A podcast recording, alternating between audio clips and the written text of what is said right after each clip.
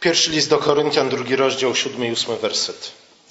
Lecz głosimy tajemnicę mądrości Bożej, mądrość ukrytą, tę, którą Bóg przed wiekami przeznaczył ku chwale naszej, tę, której nie pojął żaden z władców tego świata. Gdyby ją bowiem pojęli, nie ukrzyżowaliby Pana chwały. Oto Słowo Boże.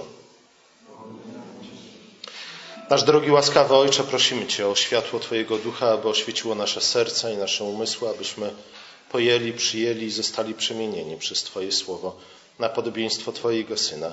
W Jego imieniu modlimy się. Amen. Teologowie bardzo często mówią o tajemnicy krzyża, podobnie jak mówią o tajemnicy wcielenia. Za wyjątkiem oczywiście tych, dla których wszystko jest proste i którzy potrafią wszystko sprowadzić do czterech, a nawet do trzech punktów.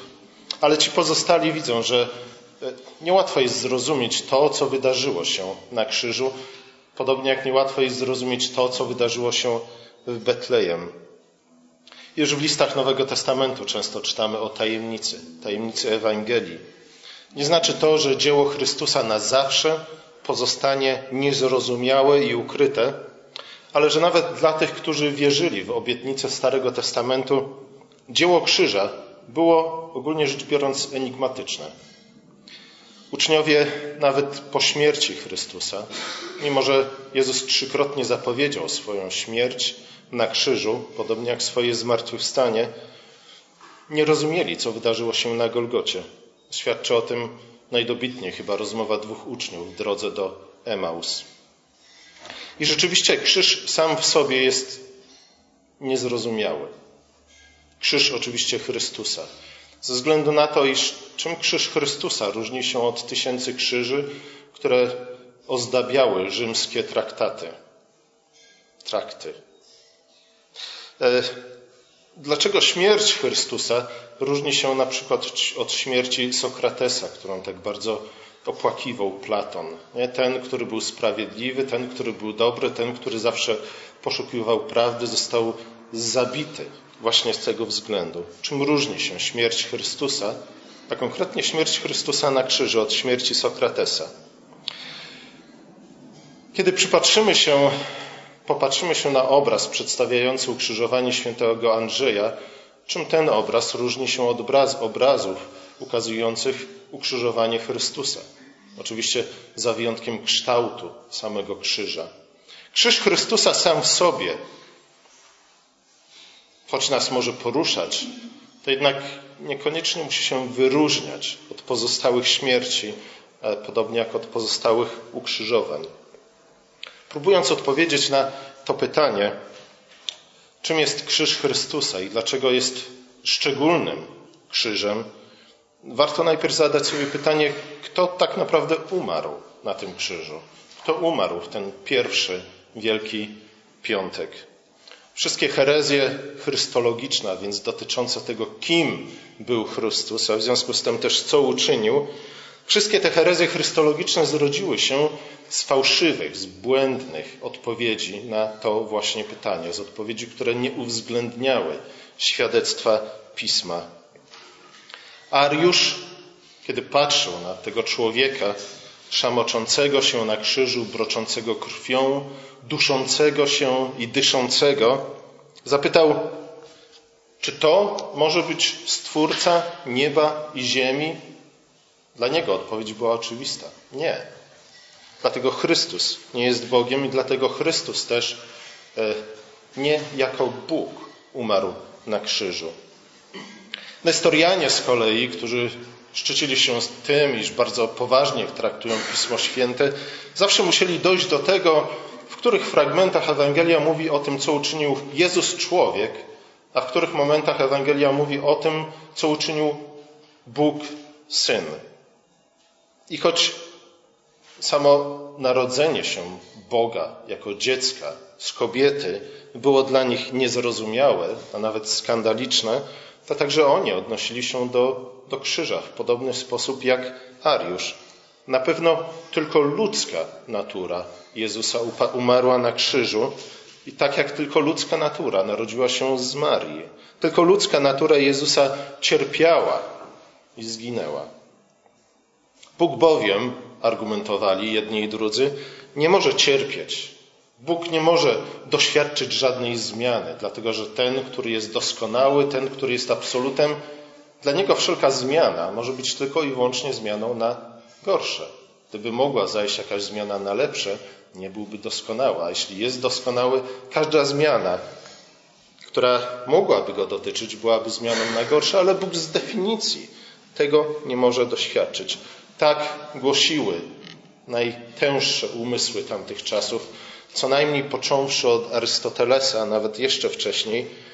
E, w świecie, mówił Arystoteles, w którym nie można dwa razy wejść do tej samej rzeki, tam, gdzie wszystko jest płynne, tam, gdzie cała rzeczywistość stoi na krawędzi chaosu, potrzebujemy jakoś, jakiegoś punktu zaczepienia, jakiegoś punktu odniesienia, odniesienia, a tym samym jakiegoś źródła poczucia porządku i bezpieczeństwa.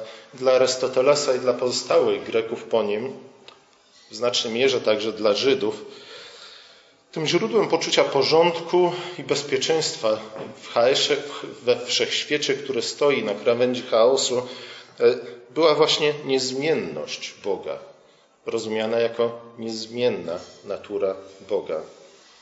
Takie podejście jednak doprowadziło do tego, iż niestety Bóg, o którym mówili, stał się Bogiem całkowicie oderwanym, wyobcowanym, odciętym od naszej rzeczywistości. Był Bogiem całkowicie zwróconym ku sobie, zapatrzonym sam w siebie i kochającym tylko siebie. Był nazywany przez to nieporuszonym poruszycielem, ze względu na to, iż jego, jako coś doskonałego, nic nie mogło poruszyć. E, z kolei on poruszał wszystko inne, ze względu na to, iż wszystko inne postrzegało go jako ten niedościgniony ideał błogostanu. Taki Bóg oczywiście nie mógł stać się człowiekiem. Taki Bóg oczywiście nie mógł w tym sensie, że nie było to dla niego możliwe z definicji, ale taki Bóg także nie mógł stać się człowiekiem, dlatego że po cóż miałby stać się człowiekiem? Skąd znalazłoby się w jego sercu to pragnienie stania się człowiekiem? Tym bardziej taki Bóg nie umarłby i na pewno nie umarłby na krzyżu. Nie? Krzyżu, który był tym najbardziej haniebnym narzędziem śmierci używanym przez Rzymian. Jedno i drugie dla Greków i dla wielu Żydów także, dla wielu Rzymian, byłoby całkowitym zaprzeczeniem tego, kim Bóg jest i całkowitym zburzeniem Jego błogostanu. Kościół oczywiście zaistniał dokładnie w tym kontekście i Kościół z początku też miał problem z tym, jak zrozumieć to, co wydarzyło się na krzyżu.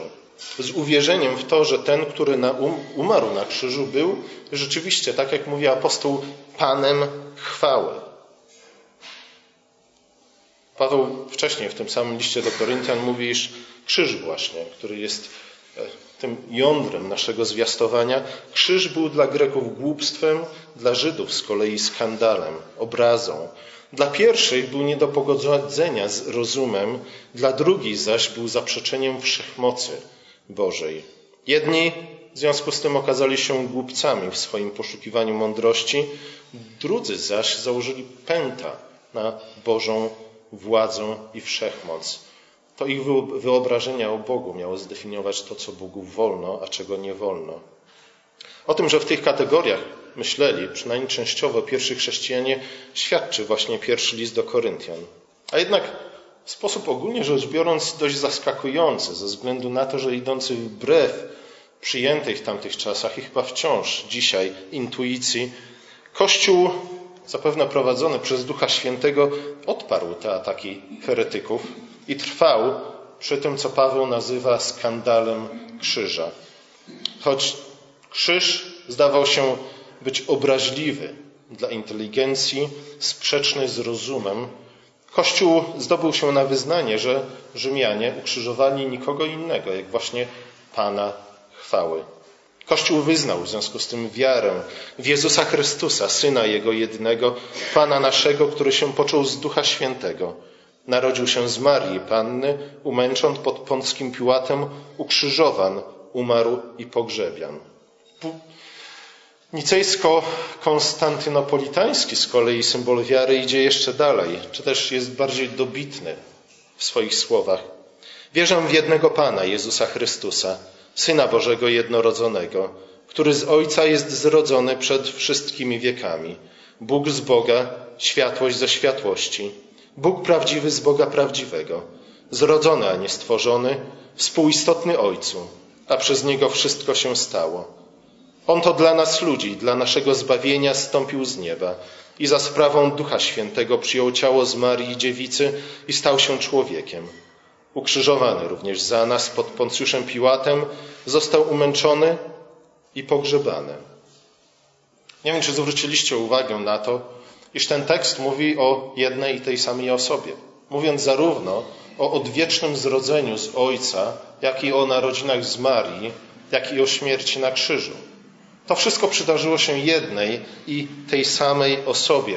W tej wypowiedzi znajdujemy tylko i wyłącznie jeden podmiot Pana naszego Jezusa Chrystusa, Syna Bożego jednorodzonego. Nie ma w nim rozróżnienia na Boga Syna, czy też na to, co uczynił Bóg Syn, a z drugiej strony na to, co uczynił człowiek Jezus, jakby chcieli Nestorianie. Wszystko, co przydarzyło się Synowi, Bożemu, czy też Bogu Synowi, to również przydarzyło się Jezusowi. Podobnie wszystko, co uczynił Jezus, człowiek, to również uczynił Bóg Syn. To wyznanie wiary oczywiście od tego czasu przynajmniej zaczęło prowadzić Kościół w jego lekturze Ewangelii. Właśnie w ten, a nie w inny sposób mamy czytać Ewangelię. Nie doszukując się tych miejsc, w których mówi ona o naturze ludzkiej Chrystusa, czy też o boskiej naturze Boga Syna, Ojcowie Kościoła uważali, iż nie należy tego czynić. Jedna osoba, jeden podmiot, jeden Jezus Chrystus, jeden Pan chwały. Jedna osoba wcielonego Syna otrzymała chrzest w Jordanie, jedna osoba Pana chwały pościła przez 40 dni na pustyni, jedna osoba uzdrawiała chorych, wypędzała demony, wskrzeszała martwych, zasiadała do stołu z celnikami i grzesznikami, ten sam Pan chwały dotykał trędowatych, ten sam Pan chwały wjechał na osiołku do Jerozolimy, ten sam wygnał handlarzy ze świątyni, ten sam łamał chleb z uczniami w górnej izbie i ten sam modlił się w Getsemane, pocąc się krwią. Jeden i ten sam, Jezus Chrystus, Syn Boży jednorodzony. Pan chwały, nie kto inny, został aresztowany, umęczony, postawiony przed sądem. Ten sam Pan chwały, jak mówi apostoł, zawisł na krzyżu. Czasami jednak, kiedy patrzymy na krzyż, kiedy myślimy o śmierci Jezusa na krzyżu, wydaje nam się, że to doświadczenie jakoś osłabia Jego wszechmoc, czy też ogranicza Jego panowanie nad wszechświatem. W końcu Bóg Syn wraz z Ojcem i z Duchem jest suwerennym Panem, Stwórcą, rządcą wszech rzeczy. Czyni cokolwiek zechce, kiedy zechce. Wszystko trzyma w swojej dłoni. On wszystko uczynił i w nim wszystko ma swoje ustnienie. Kiedy jednak patrzymy na Jezusa, który jest słaby, który cierpi, który w końcu umiera, czy widzimy tę samą osobę? Śmierć syna zdaje się przeczyć, czy też przynajmniej ograniczać jego panowanie i Jego suwerenność. Czy wszechwładny Pan mógł stać się przedmiotem kaźni ze strony, ze strony swoich podwładnych? Czyż to, iż stał się przedmiotem kaźni ze strony swoich podwładnych, nie wskazuje na to, iż jednak został pozbawiony swojej władzy nad nimi? Czy Pan życia może zostać wydany na śmierć? Czy śmierć może pozbawić go życia? Czy ten, który napisał skrypt do całej historii świata, może stać się biernym aktorem w scenie własnego ukrzyżowania. Nie? Te dwie rzeczy, te dwa obrazy, wszechmocny Bóg i człowiek umierający na krzyżu, niekoniecznie wydaje nam się spójne. Apostoł Paweł jednak nie widzi tutaj żadnego konfliktu, nie widzi żadnej sprzeczności. Nie, że do końca to rozumie, ale mówi, że to właśnie na krzyżu umarł Pan chwały. To Na krzyżu Syn w pełni objawił nam Ojca. W jednym zdaniu bowiem pisze z jednej strony o przeznaczeniu, o opatrzności, a także o krzyżu. Władcy tego świata okrzyżowali Pana chwałę. Podobnie ojcowie nicejscy nie doszukiwali się tutaj żadnej niezgody, żadnej sprzeczności. Nie dlatego, że do końca rozumieli, co się wydarzyło i jak się to wydarzyło, ale ze względu na to, iż traktowali Jezusa Chrystusa i Pana chwałę jako jedną i tę samą osobę. W jednym zdaniu stwierdzają, że Syn jest stwórcą wszech rzeczy, widzialnych i niewidzialnych, oraz że Syn umarł na krzyżu. Śmierć Jezusa zatem w żaden sposób nie przeczy Jego suwerenności, Jego panowaniu. Przeciwnie, śmierć Jezusa Chrystusa na krzyżu objawia Jego wszechmoc i Jego boskie panowanie. Życie i śmierć Jezusa objawiają, że Bóg jest Panem całego stworzenia. Dokładnie całego stworzenia.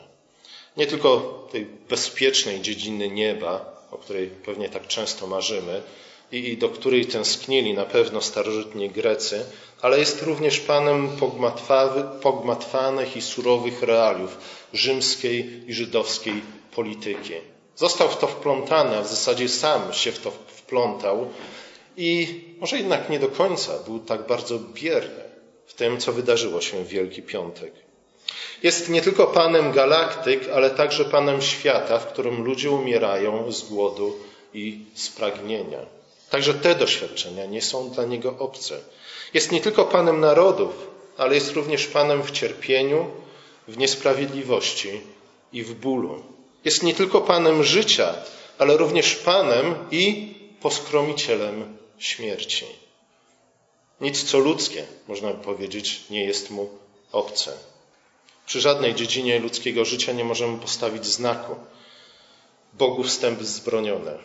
Możemy próbować, możemy próbować stawiać blokady, zasieki, tak aby chronić Boga przed tym, co jest zbyt ludzkie, bo Bóg jednak i tak je sforsuje. On już to uczynił na Golgocie dwa tysiące lat temu. Krzyż nie przeczy panowaniu i suwerenności Boga, lecz jest, jej, jest ich najbardziej dramatycznym wyrazem i świadectwem. Jeżeli możemy najpełniej użyć chwałę Boga właśnie na krzyżu, na tym przeklętym krzyżu Golgoty, to również tam, na tym samym krzyżu, jesteśmy w stanie najpełniej najwierniej ujrzeć Boże panowanie, Jego wszechmoc, Jego suwerenność. Bóg jest Panem nawet tam, gdzie spotyka się z największym oporem. Bóg jest Panem nawet tam, gdzie tak bardzo Go nie chcą i są gotowi Go zabić, aby Go usunąć sprzed swojego oblicza. Bóg jest Panem światłości również pośród mroku. On obejmuje, obejmuje naszą ciemność, aby przemienić noc w jasny dzień. On jest Panem radości również pośród żałoby. On krzyczał konając, aby przemienić nasz smutek w radosny taniec. On jest zniesławionym, pohańbionym Panem chwały. Jako taki przyjmuje na siebie hańbę, aby przemienić nas z chwały w chwałę. Jest Panem życia również w swojej agonii. Akceptuje śmierć, która nam się należała, aby śmierć już nad nami nie panowała. I właśnie dlatego panuje nad tym wszystkim, iż tego wszystkiego doświadczył i żadna z tych rzeczy go nie przemogła. Ukrzyżowany Pan chwały. Słowa te często, przynajmniej w czasach, kiedy Paweł pisał list do Koryntian, były powodem do obrazy, do skandalu. Także dzisiaj. Czasami wolelibyśmy mieć innego Pana chwały. Pana chwały, który by natychmiast przemienił nasze życie w ten błogostan nieporuszonego poruszyciela Arystotelesa. Apostoł zachęca nas jednak, abyśmy uczynili z tych słów ukrzyżowany Pan chwały raczej powód do chluby i dumy niż obrazu, wstydu, skandalu. Niech ten, pisze apostoł, kto się chlubi, chlubi się w Panu. W jakim Panu? W Panu chwały. W ukrzyżowanym Panu chwały. Amen.